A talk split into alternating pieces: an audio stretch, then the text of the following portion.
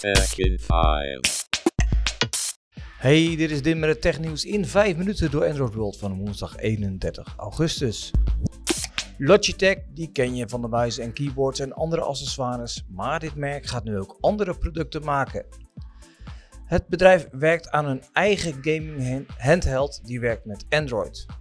Logitech heeft zelf een teaserpagina voor zijn Logitech G Gaming Handheld online geplaatst, maar nu, nu deelt ook de geruchtenverspreider Ivan Bless beelden van het product. Het apparaat werkt met de Google Play Store, maar in de aangepaste interface krijgen ook cloud gaming diensten een prominente plaats. We zien Xbox Cloud Gaming, Nvidia GeForce Now en Steam Link. Logitech geeft zijn handheld twee joysticks, een D-pad en we zien ook de A, B, X en Y knoppen samen met nog vier andere menuknoppen en een powerknop. De G Gaming Handheld heeft tenslotte vier schouderknoppen, waaronder twee triggers.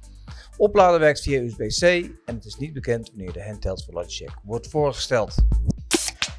Oppo heeft in Parijs weer een nieuwe smartphone voorgesteld aan de media. Deze serie bestaat uit de gewone Oppo Reno 8 5G, de Oppo Reno 8 Pro 5G. De toestellen richten zich net als andere smartphones uit de Reno-serie voornamelijk op design en camerakwaliteit. Zo krijgen de Reno 8 Pro de beschikking over de Mari Silicon X Imaging NPU en dat staat voor Neural Processing Unit. Een speciale losse chip die onder andere door middel van kunstmatige intelligentie foto's en video's moet verbeteren. Grote nieuws is de eerste tablet van het Chinese merk. De Oppo Pad Air beschikt over een 10,36 inch Full HD Plus LCD paneel met een verversingssnelheid van 60 Hz.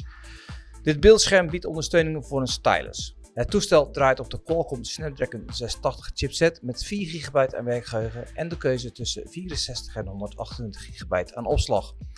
De accu is 7100 mAh groot. De tablet draait op een aangepaste versie van ColorOS. Zo ondersteunt het slimme aanraakinteracties zoals een slimme zijbalk, zwevende versies en een gesplit scherm. Deze zijn door de interactie met, met twee of meer vingers te activeren. Deze tablet kost 279 euro voor de 64 GB variant en 329 euro voor de 128 GB variant. RTL stopt begin 2023 met de gratis streamingdienst RTL XL. Alle programma's zullen dan op Videoland te vinden zijn. RTL XL is een gratis streamingdienst van RTL Nederland en bestaat sinds 21 oktober 2010. De videodienst biedt de mogelijkheid om televisieprogramma's van de televisiezenders RTL 4, 5, 7 en 8 binnen 7 dagen na uitzending gratis terug te kijken. RTL Nederland laat nu via zijn helppagina weten dat de dienst begin 2023 wordt stopgezet. RTL biedt speciaal voor de RTL XL klanten korting aan om over te stappen op Videoland. Dus geen gratis content meer via RTL XL. Gewoon betalen. Snap Inc. is het moederbedrijf van Snapchat en men is het bedrijf aan het herstructureren. Daarvoor stuurt het 20% van de werknemers naar huis en cancelt er een aantal projecten. Men gaat meer aandacht besteden aan het verkrijgen van meer gebruikers, meer opbrengsten en augmented reality. Instagram lost een belofte in naar zijn gebruikers. Het test een mogelijkheid waarmee gebruikers meer controle krijgen over de voorgestelde posts en gebruikers die ze zien in hun timeline. Men kan bepaalde trefwoorden en emoties uitsluiten waardoor deze content jou niet bereikt. Ook kunnen gebruikers de aanbevelingen tijdelijk stopzetten. Noem het een adempauze. Ook kan men berichten als oninteressant labelen in verkennen. Hiermee moet de aanbevolen content van betere kwaliteit worden.